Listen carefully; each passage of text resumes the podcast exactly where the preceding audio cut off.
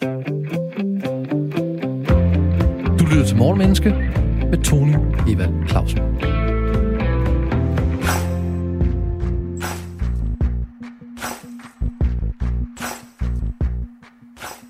Ingen kan gå tilbage og lave en helt ny start. Men alle kan starte nu og lave en helt ny slutning. 2020 er snart slut. Et år med masser af udfordringer, kriser og problemer for verden, Danmark og personligt for de fleste af os. At starte 2020 forfra er umuligt, men hvad kan vi lære af 2020, der vil gøre slutningen bedre end starten? Op til nytåret går vi over syv programmer på efterforskning i nogle af de ting, som 2020 gav os af udfordringer og gaver og indsigter. Hvad kan alt det, der skete i 2020, fortælle os om selv, adfærd, psykologi og verden? Og verden er i den grad forandret i forhold til samme tid sidste år. Pandemi, racisme, sexisme, nationalisme, konspirationer, nedlukning og aflyste af hvad som helst. Ambitionen i Morgenmenneske er at gøre os selv og dig, gode lytter, klogere på mennesker og adfærd fra morgenstunden. Velkommen til Morgenmenneske. I dag handler Morgenmenneske om krænkelser, sexisme og strukturel racisme i 2020. Er vi alle sexister og racister? Hvem er offer og hvem er krænker i sexisme-debatten? Findes der strukturel racisme i Danmark? Hvordan undgår vi at krænke andre med vores mening? Er hele krænkelsesdebatten i virkeligheden en ideologi? Er en hånd på låret et overgreb eller et kompliment? Og hvis det er en krænkelse, hvordan giver man så et kompliment? 2020 har været fuld af krænkelser og krænket. Black Lives Matter, politikere med hånden og tungen, steder de aldrig burde have været, og en opblussen af sexisme-debatten. Selve emnerne er så farlige at belyse, at det er med klamme håndflader og sved på overlæben, at jeg tager dem op. Men krænkelser, sexisme og strukturel racisme har fyldt meget i 2020. Og det er fyldt så meget, at jeg mener, det bør, det vil være useriøst at undlade at tale om det i et program om året, der gik i et psykologisk og adfærdsmæssigt perspektiv.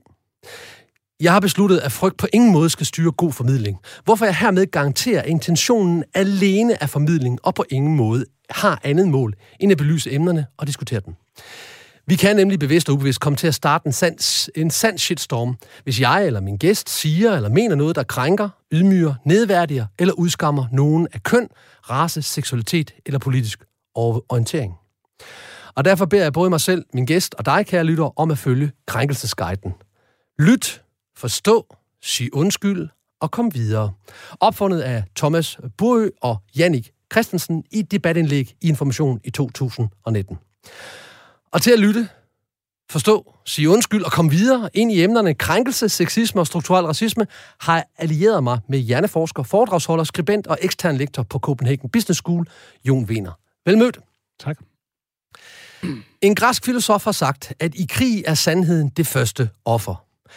Jon, er vi i krig med os selv i forhold til krænkelser, sexisme og racisme? Det vil jeg nok sige ja til. Det vil være det korte svar. Men jeg vil sige allerførst, for os at lytteren ved noget om mine kvalifikationer i forhold til at tale om krænkelser. Så dels har jeg et videnskabeligt, hvad skal man sige, hjerneforsknings- eller psykologisk perspektiv på det, men dels har jeg også selv været udsat for meget, meget voldsomme krænkelser. Nu er det jo året, der gik, øh, der er emnet, og i år, her i slutningen af februar 2020, så kom min tv-serie ud på DR2, en tv-serie, der hedder En farlig arv, og som blandt andet handler om, at jeg har været udsat for incest af min mor. Og jeg må jo sige, at jeg i hvert fald har oplevet, at den, øh, de seksuelle overgreb, jeg blev udsat for, mange af i, i barndommen, dem har jeg jo taget med ind i mit voksenliv. Mm. Og jeg har jo taget dem med ind i mit voksenliv på den måde, at jeg for eksempel øh, føler mig nemmere krænket, end måske en gennemsnitsmand gør. Okay. Det vil sige, at jeg vil jo sige, at, at jeg måske har oplevet ja, flere hundrede øh, krænkelser i mit voksenliv, hvad der har følt som krænkelser, men de krænkelser, jeg har oplevet i mit voksenliv, har jo selvfølgelig noget at gøre med, hvad jeg har oplevet som barn. Et godt eksempel, synes jeg, det var for nogle uger siden, var jeg herinde øh, i Studiestræde, Radio 4's lokaler, og skulle deltage i et program omkring single-liv. Og lige inden at programmet gik i gang, skulle vi tage et, et billede sammen, og jeg var sammen med tre kvinder øh, her i studiet, og en af kvinderne øh, begyndte at øh, spurgte sådan, hvordan det dog kan være, at græske statuer har så små tissemænd. Mm. Og der kan man sige, at der følte jeg mig jo faktisk en, en smule krænket, ikke? Fordi det giver mig jo associationer til, til penisstørrelse. Det tænker jeg, det var da, det var da ikke noget, der hører hjemme øh, lige nu i den her samtale, vi har nu. Men samtidig, så vil jeg jo sige, at, at jeg godt kan blive i tvivl omkring, om det egentlig var en krænkelse, fordi hvor meget af det, jeg har oplevet hos, fra min mor for eksempel som barn, øh, hvor meget af det øh, determinerer, at jeg følte mig krænket i den situation, hvor der så bliver talt om, om penisstørrelse. Modtaget. Og vi starter hårdt ud. Det, det er godt sagt, Jon. Så, og det, det er ret interessant er jo, at spørgsmålet var, om vi er i krig med øh, os selv øh, i forhold til det her. Og der mente jeg jo befolkningen, også der, dem, der lytter, og du og jeg, og det, du i virkeligheden bagefter skitserer, det er jo en indre krig, altså en, en, en indre modsætning i dig, hvor du hele tiden skal forholde dig til, oplever jeg en krænkelse nu, fordi der er en, der ønsker at krænke mig, eller oplever jeg en krænkelse nu, fordi jeg har noget med mig fra min fortid, som jeg så læser ind i den nuværende situation. Så fortiden hele tiden kommer med mig ind i situationen, og i, i den kontekst føler jeg mig så krænket. Øhm, og, og, og det er jo ret interessant, så, så det vil jeg godt lige prøve at komme tilbage til om ja. et kort øjeblik, men lad os lige prøve at blive i, at vi begge to har følgende holdning til det her program. Nemlig, at jeg har brug for at starte programmet med at sige, at jeg ikke er interesseret i at støde, eller fornærme, eller krænke, eller udskamme nogen. Noget, jeg ikke gør i alle de andre udsendelser, vi har lavet. Mm. Men fordi emnerne er så, er så betændte, er så mange meninger, er så mange følelser i det, oplever jeg bliver nødt til at starte programmet med at sige, uanset hvad du måtte opleve i det her program, så er jeg virkelig er virkelig ikke interesseret i at fornærme dig, men jeg er interesseret i at belyse emnerne, og jeg er også interesseret i, at vi taler om holdningerne. Og jeg har en forventning om, at der er nogen, der bliver stødt bare det, jeg siger, øh, bare det, vi taler om de her ting. Mm. Og, og det synes jeg er en udfordring. Fordi det gør vi jo ikke, hvis vi skulle snakke om biler, eller vaskemaskiner, eller hvis vi skulle øh, snakke om nationalisme, eller hvis vi skulle snakke om noget andet, der er præsidentvalg. Vi starter en disclaimer med at sige, alle jer, der måtte synes, at Trump er fantastisk, I må endelig ikke blive stødt over, at vi, øh, at vi nu taler om Trump på en negativ måde det gør vi kun i det her felt, og derfor er det også øh, med sved i håndflader og med sved på overlæben, at, at, at vi starter programmet. Og du gør det præcis det samme. Du starter også med at sige, det kan godt være, at jeg er hjerneforsker, det kan godt være, at jeg ved mm-hmm. rigtig meget om psykologi og rigtig meget om, hvordan vi fungerer, yes. men jeg skal, lige, jeg skal lige vide, jeg er ikke bare en hvid, øh, ciskønnet, heteroseksuel mand, øh, jeg er også selv offer. Præcis. For ellers så risikerer du, at nogen vil sige, at du ikke kan udtale dig om det. Præcis, og det er jo det her med, som jo også er et meget, meget moderne fænomen, at det er som om, man kan kun øh, hævde at forstå nogen, hvis det er, at man selv har samme identitet som dem, eller selv har oplevet noget lignende. Ikke? Ja. Så, så det, det, det er jo generelt gældende, at, at vi, vi bliver fortalt i, hvad skal man sige, den dominerende diskurs i medierne omkring sexisme og øh, patriarkatet osv., så, videre, så bliver vi jo fortalt, at, at, øh, at kvinder kan have nogle oplevelser, for eksempel af krænkelser, som mænd aldrig nogensinde ville kunne forstå, fordi en mand har jo ikke prøvet at være en kvinde. Mm. Og derfor er det også vigtigt, så vigtigt for mig, at betone, at jeg selv er offer, fordi jeg mener, at det faktisk øh, kvalificerer mig til, i hvert fald i højere grad, at hævde, at jeg også kan forstå øh, kvinders krænkelser. Interessant. Og det, der er rigtig interessant, det er, at der også er en diskurs, altså en grundlæggende præmis i den analyse, vi laver, om at mænd er krænkere, ja. men ikke kan være krænkede. Og det er derfor, du har lyst til at belyse det, for at sige, jamen, jeg, jeg er godt nok en mand, men jeg er selv blevet krænket. Ja. Øh, men, men giv mig et menneske, et hvilket som helst menneske, uanset deres, deres kønsidentifikation, uanset deres alder, deres hudfarve, deres religion eller geografiske ståsted, der aldrig har oplevet at være krænket. For det har vi jo alle sammen. Præcis. Og, og, og det, er jo, det, det er det, der er super interessant i vores, i vores samtale omkring det her, når vi nu begge to er sådan en lille smule berøringsangst med, hvor meget vi skal gå ind i den her med, er der sexisme, hvad er det, er der racisme, hvad er racisme, og er der strukturel racisme, og er der den her krænkelseskultur, og, og hvem har ret, og hvem har ikke ret, og, og må man sige noget? Og, og, og der er sådan nærmest et hierarki, der hedder, hvis du er på en bestemt måde, i en bestemt situation, så er du god, hvis du er på en bestemt måde, i en bestemt situation, så er du dårlig, og det, der fortæller dig, om du er god eller dårlig i to situationer, det er din hudfarve, dit køn eller dit politiske observans. Mm. Og det har der været meget af i 2020, og det, det går vi jo så sammen på ind i oplevelsen af her. Ja. Så jeg kunne godt tænke mig at definere, hvad en krænker er. Og for at være helt sikker på, at jeg ikke siger noget vrøvl, så har jeg slået det op i betydningsordbogen. Og der er tre betydninger. En person, der krænker en anden seksuelt, en person, der krænker moralske eller religiøse normer, og en person, der krænker en politisk eller juridisk aftale. Det er de sådan tre definitioner, der er i ordbogen på, hvad en krænker er. Og det er jo noget, vi alle sammen har oplevet. At ja. blive krænket på vores holdninger, eller ja. på vores politiske ståsted, eller en aftale, der egentlig var juridisk, det i større eller mindre grad, eller også seksuelt. Ja. Og, og der er også en, en diskurs i, i skal man sige, en offentlig mening om, at dem, der er ofre for seksuel, øh, for seksuel krænkelse, typisk er, er hundkøn. Ja. Hvordan kan det være, tror du?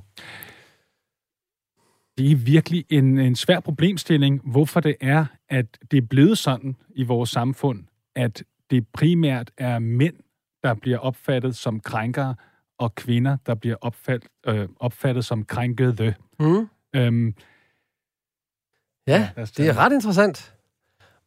Og fordi det berører os begge to i det, det, forholdet til, at vi har den her, den her modsætning, og er det vores egen skyld? Fordi jeg, jeg er jo foredragsholder og, ja. øhm, og, og underviser sådan noget, og, og jeg har jo faktisk oplevet kvinder, der har spurgt mig, om vi skulle have seksuel omgang efter et kursus eller et foredrag, og det har jeg sagt nej til. Og når jeg så siger til andre mennesker, ved du hvad, det har jeg ikke lyst til, jeg er godt gift, og jeg elsker min kone, og det har jeg ikke lyst til, så er det sådan, så kaldt mig en tøsedreng, eller, eller sagt, åh, hvorfor vil du ikke det? Og det er altså kvinder, der har gjort det her. Ja. Når jeg fortæller det til andre mænd og andre kvinder, så mm. griner de af mig og siger, jamen, du vil jo gerne. Ja. Og, og det tror jeg sgu ikke, de havde sagt, hvis det havde været en kvinde. Jeg havde så sagt, så kommer der en mand op og siger, vil du ikke, øh, skal vi gå op og knalde? Ja. Og så siger jeg nej, og så vil jeg sige, ej, det var også irriterende, han gjorde det. Hvad, hvem troede han, han var?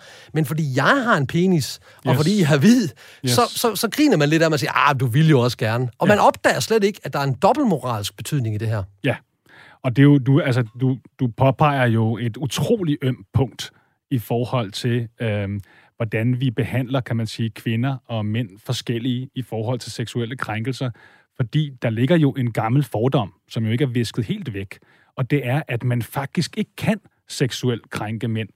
Fordi ja. mænd har altid lyst til sex.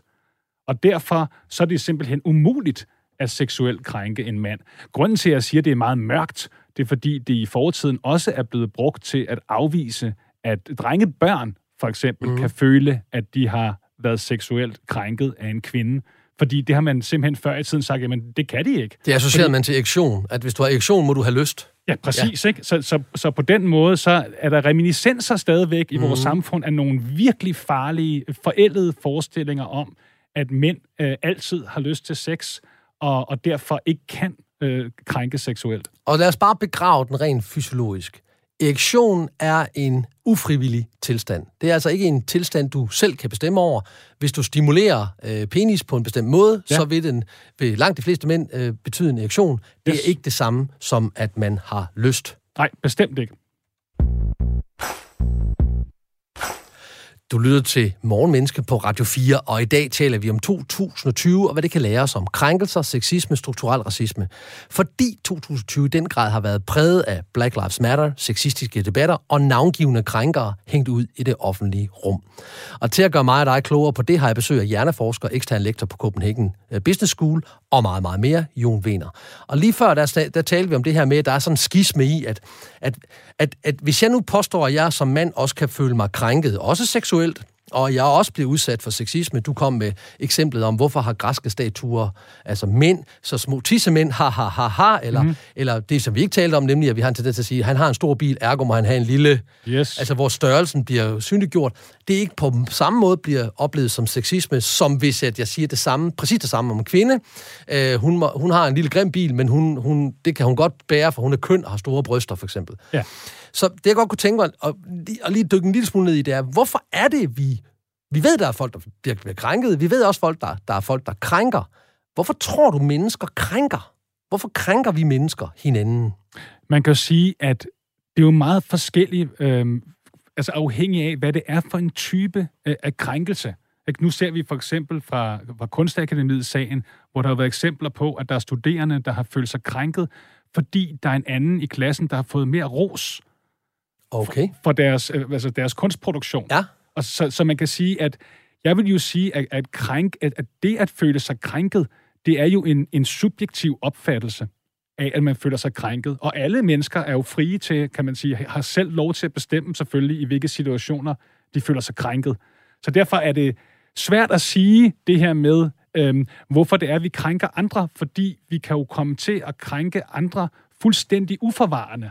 Ikke? Lidt ligesom jeg nævnte øh, det her med, øh, at der blev talt om, om, øh, om penisstørrelse på, på en græsstatue, at det, det, jeg, jeg tror jo ikke, jeg føler jo ikke, at, det er, at de er krænkere, dem der sagde det, for jeg mener ikke, at de havde en hensigt om at krænke mig. Mm-hmm. Så, men jeg kan jo stadigvæk føle mig krænket, fordi det giver mig nogle ubehagelige, altså billedlige associationer, når jeg hører det her med, med penisstørrelse, objektivering af, af, af, af kønsdele osv.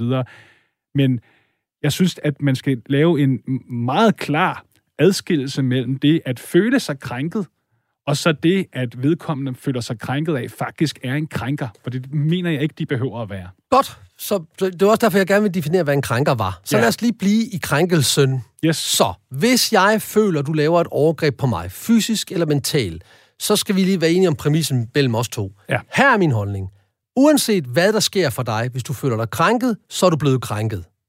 Kan vi blive enige om det? Ja, hvis jeg føler mig krænket, så føler jeg mig krænket. Og så er du det også.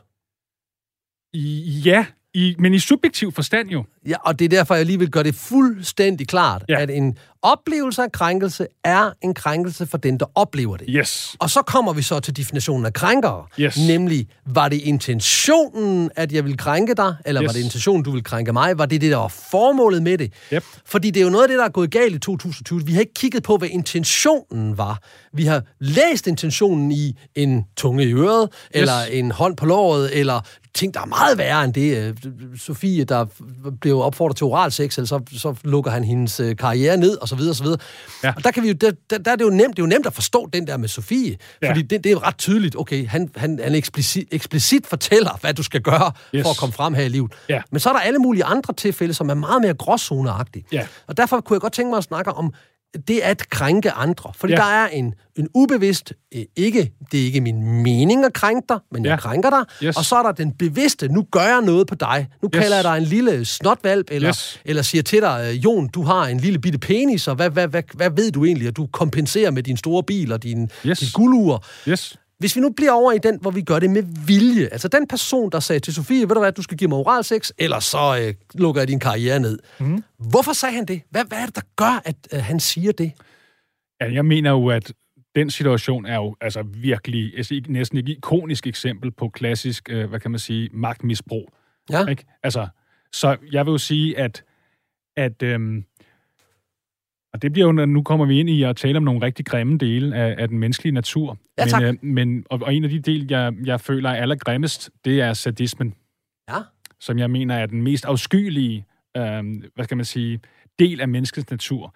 Så hvis det er, at man har intention om at krænke et andet menneske, så vil jeg sige, at det er sadistisk at gøre det. Fordi, så... fordi det, jeg vil sige, det er, at krænkelsen, altså hvis man har intention om at krænke, så er det også fordi, at man kan finde nydelse i reaktionen hos den, man krænker. Og det er definitionen på sadisme, det er, at jeg får en eller anden form for nydelse i at påføre dig noget ondt. Yes. Og hvorfor gør vi? Hvorfor tror du, det ligger i menneskets natur? Det, det er igen øh, en af de virkelig mørke sider, også fordi jeg jo vokset op øh, i, i en familie, hvor de, de mine nærmeste familiemedlemmer har været temmelig sadistiske. Så jeg har virkelig tænkt meget over det her, og talt virkelig lang tid med psykologer og læst meget om det. Men man kan sige, at det sadisme i virkeligheden er, det er, man har det så ekstremt dårligt med sig selv, Mm. at man kan få det bedre, fordi i handlingen ved at krænke et andet menneske, så gør man sig selv til, til, til magtfuld over for det menneske. Og hvis man, man har fuldstændig ekstremt lav selvværd, så, så kan det på en meget syg vis øh, opbygge momentant øh, selvværd. Ja. Følelsen af, at man har magt, følelsen af, at man, kan, man har magt til at skade et andet menneske. Altså den gode gamle med, at alt handler om sex, undtagen sex, det handler om magt. Det kunne man godt sige. Men som sagt, krænkelser kan jo være alt muligt andet Ja. end seksuelle krænkelser. Ja, præcis. Altså, jeg, jeg er jo en, en halvoffentlig person, og, og der er nogle gange nogen, der skriver noget til mig, som jeg ikke aner, hvem er. Og jeg får jo nogle mails og nogle beskeder på, på, på de sociale medier, hvor folk de steder kalder mig en idiot og arrogant og en tåbe, og, og jeg skal hoppe i havnen, og, jeg, jeg, og ting, der er meget, meget værre end det. Og det, der interesserer mig, det er, hvad er det i den menneskelige psykologi, der gør, at de har lyst til at skrive det til mig? Er det en indre smerte, de forsøger at overføre mig, og dermed selv blive fri for den? Er det det, det, der sker i den intention, altså den, den, der krænker med intention om at gøre mig ondt? Det kan det være. Altså, det mener jeg bestemt, det kan være. Jeg mener også, at der kan være nogle af dem, som, som skriver kritisk til dig, som faktisk gør det by proxy. Når jeg siger by proxy, så er det, at det er i virkeligheden en anden, øh, en, en anden, en eller flere vigtige personer i deres liv, som de faktisk kunne sige fra overfor. Øhm, og, men så kommer det til at gå ud over dig. Det er jo en fejl, en fejlslutning, som vi alle sammen, sammen ja. begår ja. hele tiden ja. i virkeligheden, i større eller mindre grad. Ja. At vi kommer til at, at lade det gå ud over den forkerte. Ja. Og det er jo i virkeligheden også, øh, øh, hvad kan man sige, en af mine hovedpointer med at tale om krænkelser i dag. Det er nemlig, at vi tager alle sammen vores fortid med ind i nutiden. Ikke? Så det vil sige, at for eksempel, så sagde jeg tidligere, at jeg har følt mig krænket flere hundrede gange af kvinder, og det er hovedsageligt, fordi, har jeg jo nu lært, det er jo hovedsageligt fordi, at jeg har oplevet de her meget voldsomme seksuelle krænkelser fra min mor. Mm. Så hver gang, at der kommer noget, der ligner en krænkelse, så ubevidst, så aktiverer det nogle af de samme kropslige tilstande og hjernetilstande i mig, som jeg havde dengang mm. øh, øh, overgrebene faktisk skete fra min mor. Men man kan sige, mange af os er ikke bevidste om det. Altså, jeg kan jo sige, at jeg blev først for alvor bevidst om de krænkelser, jeg havde været udsat for. Nu er der jo tilståelse også fra mine forældres side, så der er absolut ingen tvivl om, at det er foregået. Men det er jo først i slut 30'erne, at, det, at, at jeg blev klar over det. Det vil sige, før jeg var i slut 30'erne, der følte jeg mig rent faktisk krænket af de her kvinder, og følte faktisk, at det var de her kvinder, der krænkede mig, som bare al skylden for den, den følelse af krænkelse, jeg kunne føle. Se, nu, nu er vi jo heldigvis fritaget for, at nogen kan beskylde dig for at, at påtage dig noget, du ikke har, fordi du netop har i dig selv som en, en, en, der har oplevet en krænkelse, og yes. voldsom, eller mange forskellige krænkelser yes. i din barndom. Men er der noget victim bashing over det, når at du hvis nu det ikke havde sket for dig, så kunne, kunne du have sagt det, du lige har sagt, og så ville nogen jo kunne postulere over for dig, jamen du nedgør offeret her, du gør offeret medansvarlig for offerets oplevelse af deres krænkelse. Jamen det er jo derfor, det bliver så delikat, ja. og det bliver så svært et område, og det er jo derfor, at krænkelser er, altså, altså det er jo det, som slet ikke sker nok i vores samfund, der bliver slet ikke afsat nok ressourcer til rent faktisk meget grundigt at undersøge de her krænkelser, fordi blandt andet Især i sager, som, hvor, hvor der kan være tvivl omkring det en krænkelse. For eksempel, hvis man siger til nogen, ej, du, hvor er det flot, du er lige blevet klippet, eller hvad er det en flot bluse, du har. Nogen vil synes, det er fedt at få at vide. Nogen vil synes, at det er en krænkelse mm. at blive objektiveret på den måde. Og derfor kan man sige, så er det jo så ekstremt vigtigt også at undersøge, hvad der egentlig sket i den krænkedes fortid. Også fordi forhåbentlig er målet jo at hjælpe den, der er blevet krænket. Ikke? Og, og det er ikke, jeg vil sige, det, det er ikke en hjælp, sådan som det ofte sker nu i virksomhederne, når der, når der er krænkelser i virksomhederne, så er det ikke en hjælp, at den, altså, at den krænkede øh, bare, hvad kan man sige, får at vide, ja, alt hvad du oplever, det er fuldstændig reelt, og nu tilpasser vi hele virksomheden omkring dine krænkelser. Det hjælper jo i sidste ende i virkeligheden ikke den krænkede. Den krænkede har jo, har jo brug for hjælp. Og hjælpen er ikke, at resten af virksomheden tilpasser dig dem. Hjælpen er, at de faktisk får professionel hjælp til at få det bedre. Okay, godt. Jamen, øhm, det er en god pointe, det der med, fordi det, det, det vil jo, nogen vil jo påstå, at det er victim bashing, hvis vi siger, at, at offeret har et ansvar for, hvordan de oplever det. Og jeg, jeg underviser jo blandt andet i det her med offermentalitet, ja. eller, eller øh, krænkelsesmentalitet, og en af de ting, jeg, jeg siger, og ofte får rigtig meget hug for, det er, at jeg siger, at du er kun offer en gang, derefter er du frivillig deltager. Og det gælder selvfølgelig ikke overgreb på børn, fordi det kan de ikke selv vælge, men i hvert fald på voksne kan vi jo selv vælge, om vi vil være definitionen af det, der er sket for os, eller vi vil være den, vi er, med afsæt i det, der er sket for os. Altså forstået på det, som du har vokset ud af dit grundsorg. Altså det, at du har gået tilbage og kunne se, jamen det kom af disse oplevelser i min barndom, ja. utvivlsomt og uden diskussion, at yes. du offer, dine forældre har indrømmet det, de yep. har også retfærdigt gjort det ja, ja. Øhm, øh, i deres egen bevidsthed, for ellers så kunne de jo ikke holde det ud, Nej. Øh, og synes, det er dig, der er noget galt med. Ja, det er men, men, men, men, men lad nu det ligge. Her er ja. min pointe. Du er, du er blevet den, du er i dag, på på grund af din, den erkendelse, du har fået. Og deri ja. ligger jo også noget ansvar hos os, der er bliver krænket, når vi gør det, i at spørge ind og sige, kigge indad og forsøge at forstå, hvor krænkeren er henne. Og derfor snakker vi jo nu her om det her med den, den, den der krænker med vilje, ja. og så den, der krænker uden at egentlig at ville det. Og det, ja. det kunne jeg godt tænke mig, at vi, vi øh, lukker lidt mere op, og jeg kunne egentlig godt tænke mig, øh, sådan grundlæggende, at prøve at opdage, er sexisme i virkeligheden øh, er en konstruktion, eller er det noget instinktivt?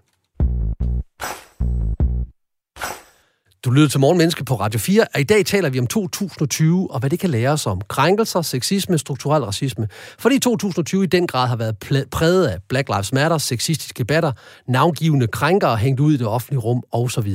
Men det tager vi alt sammen mere af efter nyhederne på Radio 4. Du lytter til Morgenmenneske med Tony Evald Clausen.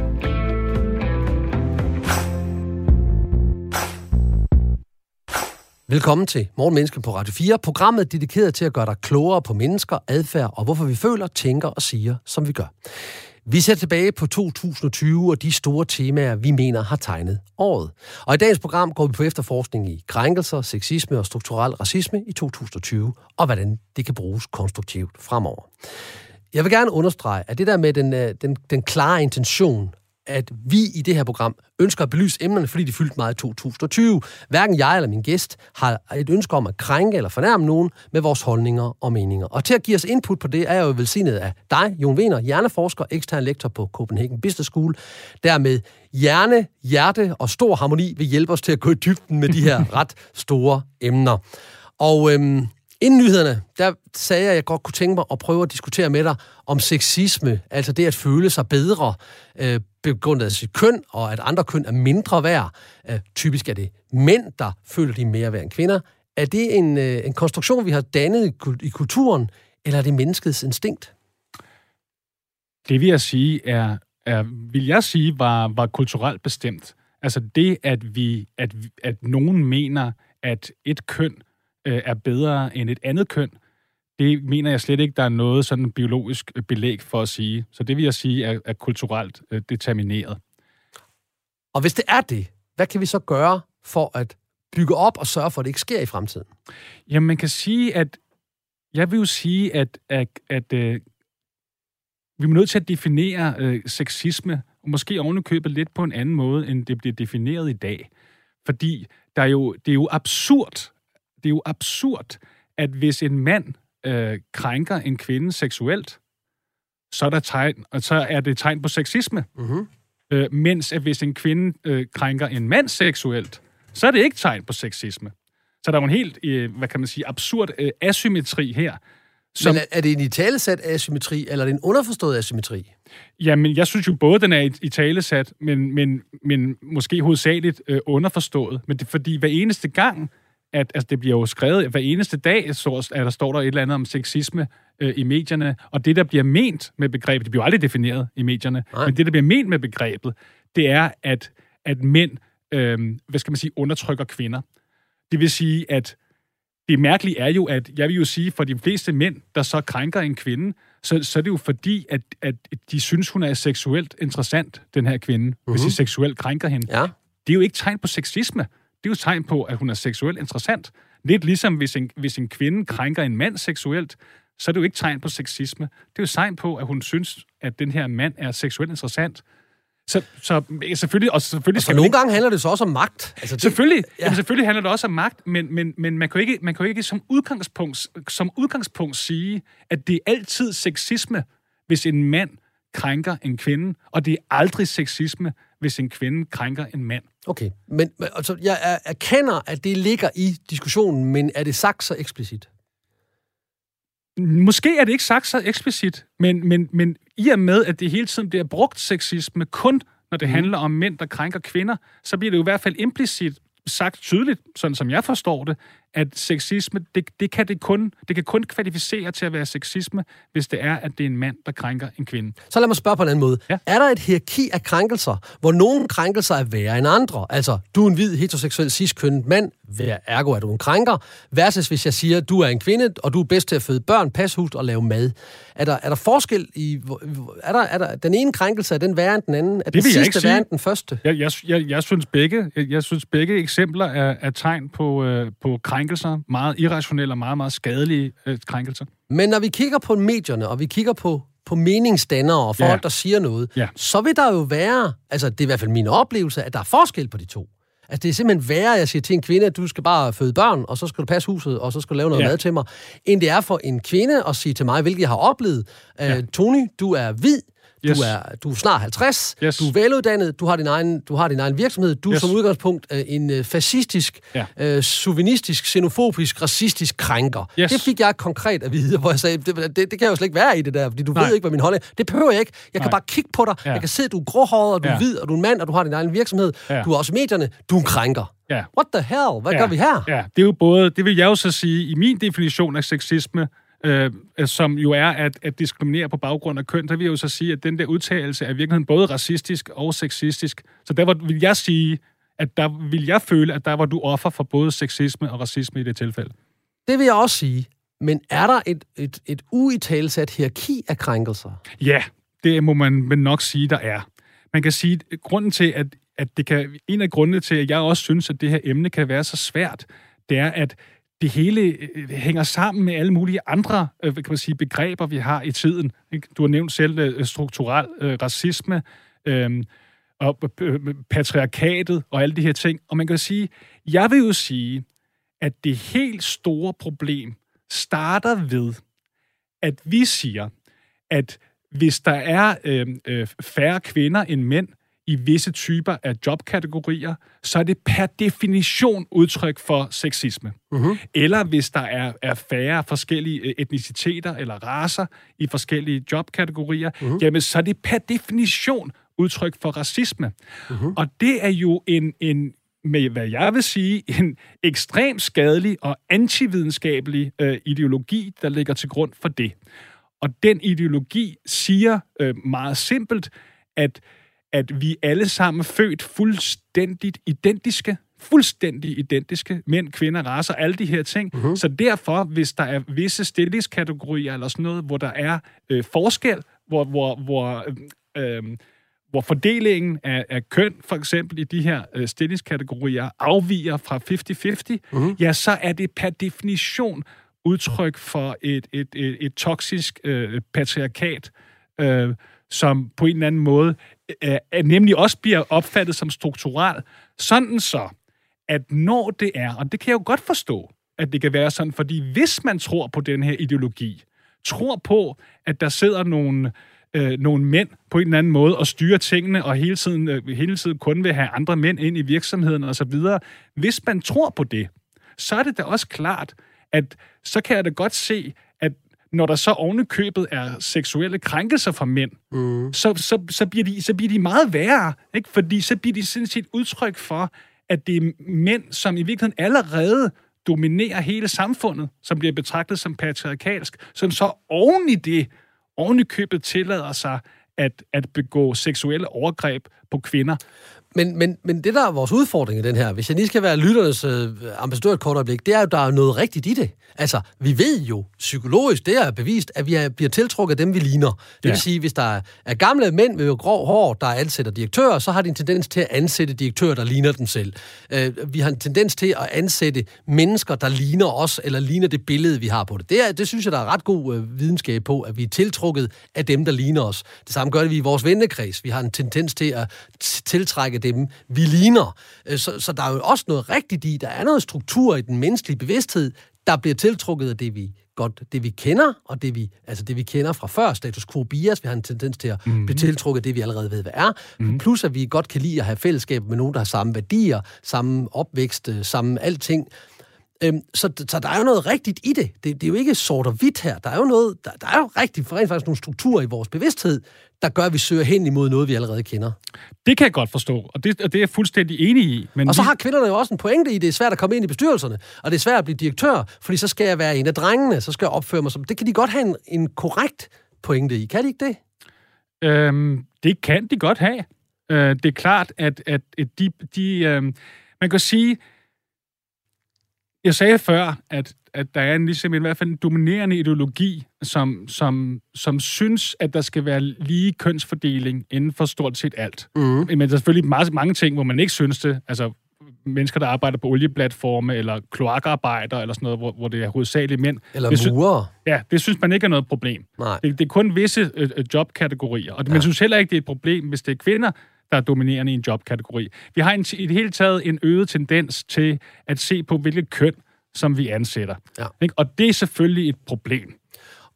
Men jeg vil jo sige til det her med topledere, Jeg vil jo hævde, at det vil altid være sådan, at der vil være flere mandlige topledere end kvindelige topledere. Og hvorfor vil du hæve det? Der er mange videnskabelige grunde til det. En af de grunde, der er, nu ville jeg jo gerne have haft en, uh, nu ville jeg gerne have haft noget visuelt, jeg kunne vise. Ja, det gør ikke noget. Men, men en af grundene, det er, jeg kan give et eksempel. Uh, for eksempel på intelligens, også en lang, lang række andre faktorer, så er mænd og kvinder faktisk gennemsnitligt set lige intelligente. Der er virkelig mange faktorer, hvor vi gennemsnitligt set faktisk er det samme. Men det er jo gennemsnittet. Mm. Det vi ved, det er, at spredningen er større hos mænd. Det vil sige, at du finder flere mænd med ekstremt lav intelligens, og du finder flere mænd med ekstremt høj intelligens. Det har delvist noget at gøre med vores, med, med vores kromosomer. Ikke? Man kan reducere det faktisk til vores kromosomer. Der er en vigtig hypotese, som er rimelig godt underbygget, som nemlig tilsiger, at vi ved alle sammen, at, to, at, at en øh, biologisk kvinde har to X-kromosomer, en biologisk mand har X- og Y-kromosomer. Hvis man er så uheldig, kan man sige, som kvinde, at have en lille fejl på det ene X-kromosom, så har man i nogen grad kompensationsmekanismer fra det andet X-kromosom. Uh-huh. Hvis man så er endnu mere uheldig, kan man sige, som mand, øh, kun at have X- og Y-kromosomer, og der er en lille fejl på X-kromosom, jamen så har manden ikke samme kompensationsmekanismer. Det betyder, at mænd bliver mere ekstreme i det hele taget. Så er der en anden faktor, hvor der også er en kønsforskel, som er med til at underbygge, at der altid vil være flere mænd, der er topledere.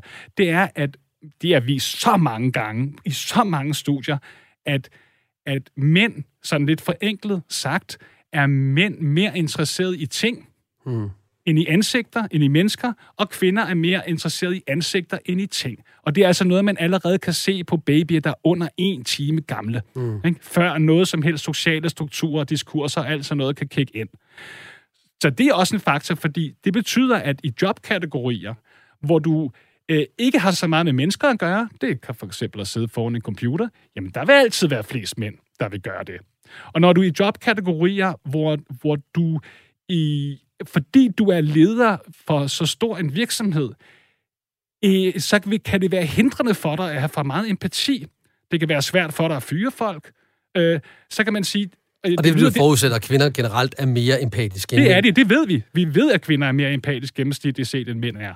Altså helt konsistent. Ikke? Det er, og det er gennemsnitligt set, det vil sige, at vi finder selvfølgelig kvinder med lav empati, vi finder mænd med høj empati, men gennemsnitligt set, så er det sådan. Så pointen er, at der vil, øhm, at når man skal være topleder i en meget stor virksomhed, så er det lidt bedre, at det lyder kynisk, men så bliver man lidt nødt til øh, ikke at have i virkeligheden så meget empati, og faktisk lidt se mennesker som en del af et system, i stedet for. Så det bliver lidt objektiveret som brækker, man rykker rundt i den her virksomhed. Og så er der i virkeligheden en, øh, en sidste faktor, og det er, at der er generelle personlighedsforskelle hos mænd og kvinder. Du lytter til Radio 4 og programmet Morgenmenneske. Dagens emne er krænkelser, sexisme, strukturel racisme i forhold til alle de ting, der skete i 2000 Og 20. Og du, kære lytter, øh, er sammen med mig beriget med en klog, kyndig og klarsynende gæst, nemlig Jon Wiener, hjerneforsker, foredragsholder, skribent og ekstern lektor på Copenhagen Business School. Og der var den sidste grund, du lige ville komme med, den sidste gode, det var, det er, at man kan sige, at der er også nogle gennemsnitlige personlighedsforskelle, som også kigger ind, og som også gør, at, at, øhm, at kvinder, kan man sige, er mere tiltrukket af at arbejde tættere sammen med mennesker, og at mænd er mere tiltrukket af at hvad kan man sige, arbejde med systemer, altså arbejde med ikke-mennesker, kan man mm-hmm. sige.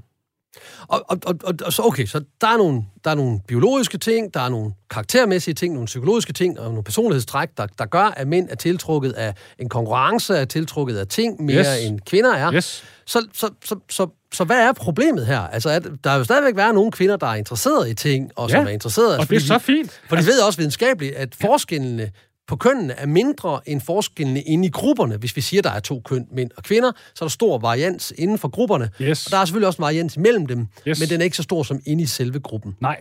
Og nu har jeg så en udfordrende spørg- spørgsmål til dig. Ja. Vi er to hvide gamle mænd. Ja. Ja, det er i hvert fald ved at være gamle. Jeg er snart ja, ja. 50. øh, og vi er begge to veluddannede, vi er begge to fra middelklassen. Ja. Øh, og, øh, og, og vi er alene i det her studie. Vi har ikke nogen, der er ikke nogen kvinder. Nej. Der er ikke nogen af anden etnisk herkomst. Nej. Der er ikke nogen øh, transpersoner her i, i rummet. Nej. Så, så, og det er der ikke, Nej. fordi at øh, vi har ikke kunne finde nogen, Nej. vi synes, der var kompetente Yes. Altså, og, og, og jeg vil helst ikke ringe til en, der er sort og sige, ved du, jeg vil gerne dig med i et radioprogram. Det er næsten lige meget, hvad du siger, bare jeg kan sige, du har været her. Mm. Eller ringe til en multihandicappet og sige, jeg vil gerne have dig med i, i samtalen. Det er sådan set lige meget, hvad du siger, bare jeg kan sige, der har været en multihandicappet. Ja. Især hvis det så også kunne være en af anden etnisk herkomst, ja. og med en anden seksualitet. Så altså ja. en multihandicappet, sort person, ja. der også var homoseksuel. Ja. Det kunne være fedt. Yes. Eller transperson. Det, det ja. kunne være super fedt. Så ja. kan jeg tjekke den af, og så kan yes. jeg rense mig. Yes. Så kan jeg stå rent. Og, og, og det, er jo så, det er jo så problemet, vi har, når vi skal lave de her udsendelser, det er, øh, at jeg ikke er bekendt med nogen, der, er, øh, der har noget at sige inden for det her felt, som er en af de her andre typer. Og det er jo fordi, at min omgangskreds og mine venner er nogen, der ligner mig. Ja. Altså, du og jeg har et fællesskab, vi ja. kan godt lide hinanden, vi har nogenlunde samme opvækst, lige minus uh, incest, ja. men, men alt, alt muligt andet. Ja. Hvordan bryder vi det ned, og dermed også bryder den strukturelle racisme ned, og hvordan den strukturelle måde at tænke i både sexisme og racisme og xenofobi, altså angst for andre kulturer og angst for andre seksualiteter? Jeg tror, vi skal starte et helt andet sted. Der er et sted, jeg godt kan lide at starte.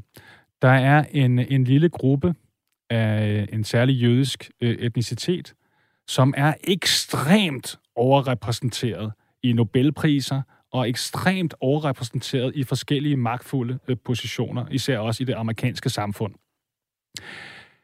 Det vil jeg jo sige, det er sgu da fedt, vil jeg sige, fordi jeg synes da, at det vigtigste øh, for verden, det er, at de bedst kvalificerede gør det, de arbejder de er bedst til. Uh-huh. Man kan sige, det, at vi er så heldige, at den her øh, øh, særlige gruppe af jøder for eksempel har ek, ek, så ekstremt mange Nobelpriser. Det er, at Nobelpriser bliver jo givet for videnskabelige øh, gennembrud, som gavner hele menneskeheden. Det er, det, det gavner hele menneskeheden at dem, der er bedst til at gøre et stykke arbejde, er dem, der får lov til at gøre det. Det er simpelthen et princip, som jeg mener er fuldstændig glemt. Det lyder så primitivt og simpelt, ja. fordi selvfølgelig er det godt for os alle sammen, mm. at dem, der gør det bedst, selvfølgelig skal, skal, skal etnicitet og køn ikke spille ind på, om du får penge til at forske i coronavaccine, vel? Altså, vi, vi vil gerne have, det, det er vigtigt for os alle sammen, at dem, der er bedst til at gøre noget, det er dem, der rent faktisk gør det. Og der vil jeg så bare sige, som sidste ting, som en lille krølle, det er, at jeg er jeg synes, at det burde være fuldstændig ligegyldigt, hvilket køn, race, seksuel orientering eller sådan noget, alle mennesker har. Jeg synes, ja. det er fuldstændig ligegyldigt, at der er fors- forskellige, at der er nogle kategorier, hvor mænd dominerer, nogle, hvor kvinder dominerer. Det er fuldstændig ligegyldigt. Det er meget smukt. Øh, det er meget, meget smukt. Men det er så det, simpelt. Men det er jo, den, det er jo, det er jo sådan, sådan nogen som dig altid siger, når du lige kommer med det argument, at nu går jeg altså over i en helt anden krog her. Ja. Fordi det er det, I altid siger. Og så siger jeg følgende. Ja. Det, du, du har ikke svaret på mit spørgsmål. Fordi, hvordan, hvordan, fordi du kommer bare med et eksempel på, hvad ja. der er bedst for helheden. Yes. Men hvordan nedbryder vi, at der er der er jo strukturelle ting i vores bevidsthed, der gør, at vi ser, at der er en forskel på mænd og kvinder. Der er en grund, at vi bliver tiltrukket af det, der ligner os. Vi ja. har lyst til at gentage ja. for, fortidige succeser. Hvis det var en mand, så skal der en mand ind her. Ja. Hvis det var en hvid, så skal der en hvid ind her. Og vi har aldrig haft en sort præsident før. Vi har aldrig haft en anden, et, en, en anden etnisk herkomst. Jeg er med på, at der statistisk set jo er en, en, et, et problem for det. Hvis der ikke er ret mange kvinder, hvis der er 100 kvinder, der er, er egnet til en, øhm, til en, en bestyrelsesplads, og 10.000 mænd, hvilket typisk er det, øh, vi kigger i, som også er interesseret i en bestyrelsesplads i en eller anden af de store bestyrelser, jamen så er, der, så er der et mindre udvalg af kvalificerede kvinder, end der er udvalg af kvalificerede mænd, og så må vi statistisk set have flere mænd. Men dit argument med, at det kunne være lige meget bare det til det heles bedste, bliver jo underbygget, eller bliver i hvert fald nedbrudt af følgende argument, når jeg nu spørger om, hvordan vi nedbryder det. Og her kommer det.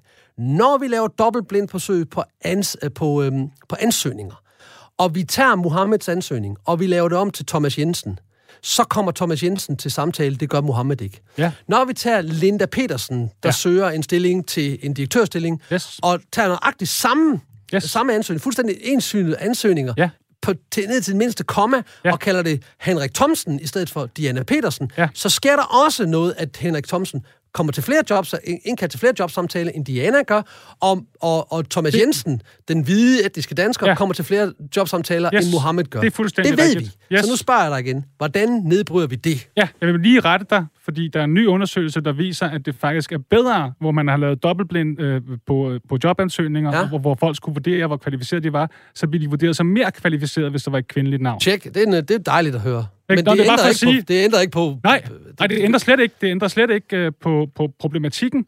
Man kan sige, at øhm, vi ved godt for os mennesker, det er en mørk side af os. Vi ved godt for os mennesker, at øh, hvis, vi, øh, hvis vi bliver vist øh, ansigter, forskellige konstruerede, morfede ansigter, så dem, vi har mest tillid til og mest empati for af ansigter, det er dem, der ligner vores eget ansigt. Typisk vores egen, Nogle gange er det vores forældres. Hvis vi er adopteret, så kan det ligne vores adopterede forældres ansigter. Men bare for at sige, at lidt ligesom med seksuelle krænkelser, at, at, at man tager sin fortid med ind i nutiden og kan opfatte nye øh, øh, ting som krænkende på grund af, at man blev op, man, mest på grund af, at man blev krænket i fortiden, så er det i virkeligheden det samme, øh, at når det er, at vi har haft positive interaktioner med et bestemt ansigt i fortiden, for eksempel vores forældre, vores eget, jamen så er vi ekstra positivt indstillet over for det ansigt. Når man vender den på hovedet, så bliver den jo grim. Ja. Fordi så, så, så er Og der er jo mindre. et naturligt biologisk grundlag for xenofobi og for racisme. Men, og det er en virkelig vigtigt element, det er for eksempel, kan du tage en klassisk, sådan en klassisk amerikansk hardcore white supremacist racist, ikke? Så kan du, så kan du øh, øh, øh, tage en sort, som han jo hader, fordi han er racistisk, den her mand. Så kan du tage en sort, og så give ham hans øh, favorit øh, fodboldtrøje på, og så er den her racisme stort set væk. Det, det handler om, også med hensyn til Mohammed, det, det handler om, det er jo, at jo mere vi føler, vi, vi har til fælles mm-hmm. med vedkommende, Ja. jo mere trygge øh, øh, er vi ved vedkommende. Og det er altså bare et generelt biologisk fænomen, som vi, som vi ikke kan komme, som I svært kan komme ud over. Andet end at indføre andre ting, som man så kan være enige om. Ikke? Altså, det, eller, hvor man kan, kan føle sig spejlet. Ikke? Så- det, ja. Så, så, så er det, så, så hvad er løsningen? Altså, Jon, vi, vi Ja. har danset rundt om det her, Yes. øh, og vi har forsøgt at tale helt ind i kernen af, Yes. ja, der er sexisme, det er der på begge sider. Det Yes. gør ikke sexismen hverken rigtigt eller forkert, Nej. fordi det den er. Der er også racisme, der er en strukturel tendens til at blive tiltrukket af det, jeg kender. Ja. Altså, hvis jeg er hvid, så er jeg tiltrukket af hvide, hvis jeg er brun Ja. og sort osv. osv. Ja. Så hvad kan vi gøre? Og jeg ved godt, det, altså, du har haft tre minutter til at sige det, Ja. men, men kunne vi komme med en eller anden løsningsmodel på, hvad er det, jeg skal gøre, jeg som lytter skal gøre, for at sikre mig mod, at jeg ikke krænker andre, uden at det er min intention, yes. og at jeg ikke er racistisk. Yes. Hvad kan vi gøre der? Kan du, Yes. give, mig, kan du give mig sådan Ja. top tre yes. handlinger, vi Jeg kan i kan hvert fald sige den første, som jeg synes er den aller, aller vigtigste. Det er noget så kedeligt og klassisk som appel til universelle menneskerettigheder. FN blev etableret i 49. Øh, Det vi gjorde, det er mit meget brede, hårdt framed perspektiv, det er, at det vi gjorde efter 2. verdenskrig, det var, at verden fandt sgu ud af, at, øh, at øh, det er farligt at opdele os i grupper, at opdele os i identiteter. Det er simpelthen været årsag til hver eneste krig i verdenshistorien. Så det, der var så smart ved etableringen af FN, som jeg så vil prøve at bringe op igen, den, i virkeligheden den, kan man sige, betragtning, det er, at man fandt ud af dengang, at lad os nu skabe en menneskeidentitet. Mm. Så i stedet for, at jeg først og fremmest tænker, tænker mig selv som den seksualitet, jeg har, den race, jeg har, den køn, jeg har, så altså allerførst det, jeg tænker, det er, at jeg er menneske. Og det er noget, vi alle sammen har til fælles. Og det er simpelthen løsningen, tror jeg. Den Så jeg skal eneste, se mennesket. det er den eneste løsning. Men så siger du også, at jeg skal se mennesket i min krænker. Ja, det vil være godt. Og så gør det. Jamen, pro- problemet er, at når man bliver krænket af nogen, så det, det umiddelbare, man jo vil gøre, det er, at man vil gerne straffe vedkommende. Men det, man jo så også finder ud af, og det kan jeg godt forstå, den følelse, den her kender jeg selv så utrolig godt. Ja, tænker jeg, du gør. Ja, men, men det man selvfølgelig også, det er, der, der, der er jo altid en årsag til, at krænkeren krænker. Ikke? Så det- jeg kan sige, jeg må sige, jeg, jeg, jeg synes, at empatien øh, skal gælde for alle. Ikke? Jeg er jo også så radikal, og jeg vil også sige, at man skal også have empati for morder. Det betyder ikke, at man synes, at det er i orden Nej, at slå folk ihjel. Men, men, med, med, men med forståelse. det er vigtigt at forstå det, fordi Ja. hvis man ikke virkelig gør alt, hvad man kan for at forstå tingene, så bliver det jo meget sværere at forhindre i fremtiden, fordi så forstår man jo ikke mekanismerne, der for eksempel fører til krænkelser eller, eller mor. Så, vi har nu været vidt omkring øh, på, på, på den tid, vi nu har til rådighed. Og, og en af løsningerne må så være, at vi forstår, at vi er mennesker. at vi har mere fokus på, vi har, at vi har mere fokus på at se mennesket foran os, Ja. at se, hvor ligheden er i stedet for forskellighederne, Ja. at vi er opmærksom på vores egen måde at fortolke verden på. Ja. Og det sidste, du siger, er jo faktisk, at vi skal tilgive. Altså, vi skal give slip på krænkeren og tilgive krænkeren. Ikke fordi krænkeren, altså vi godkender handlingen, men vi giver slip på handlingen, og så ser det hele mennesket, hvad førte dig hen til det bevidsthedstilstand, der gjorde, at du havde lyst til at gøre mig ondt. Ja. Og dermed også, at vi skal opdage det, der ligger, og nu lyder det nærmest religiøst, men der, der er i hvert fald en psykologisk mekanisme i det, i det øjeblik, jeg tilgiver, altså ja. giver slip på bødlen, yes. så holder jeg op med at være offret. Og yes. i det øjeblik, jeg holder op med at være offret og tilgiver, så løslader jeg en fange, og det til min store overraskelse opdager, det er, at den fange, jeg løslader, det var mig selv. Yes, så er det så smukt sagt. Således formidlet og forhåbentlig beriget gik vi sammen på efterforskning i krænkelser, sexisme og strukturel racisme. Må du, som jeg, har fået nye indsigter, input og inspiration på emnet. Tak til vores øh, givende gæst, hjerneforsker og ekstern lektor på Copenhagen Business School med meget, meget mere, Jon Vener. Tusind tak, Jon. Nøjse. Skulle Jon eller jeg have krænket dig, kære lytter, så skal du vide, at det aldrig var tiltænkt dig. Vi undskylder, hvis vi har gjort dig utilpas eller krænket dig. Vi ønsker svært, at vi alle kan komme videre i vores liv og vores individuelle meninger. Krænkelsesguidens fire gode råd. Lyt, forstå, sig undskyld og kom videre. Du kan få mere Morgenmenneske på podcast, der hvor du henter dine podcasts, eller på Radio 4-appen. Programmet er produceret af Pibesovs Productions. Jeg hedder Tony Eva Clausen, og det bliver jeg efter planen ved med. Undskyld, og vi høres ved.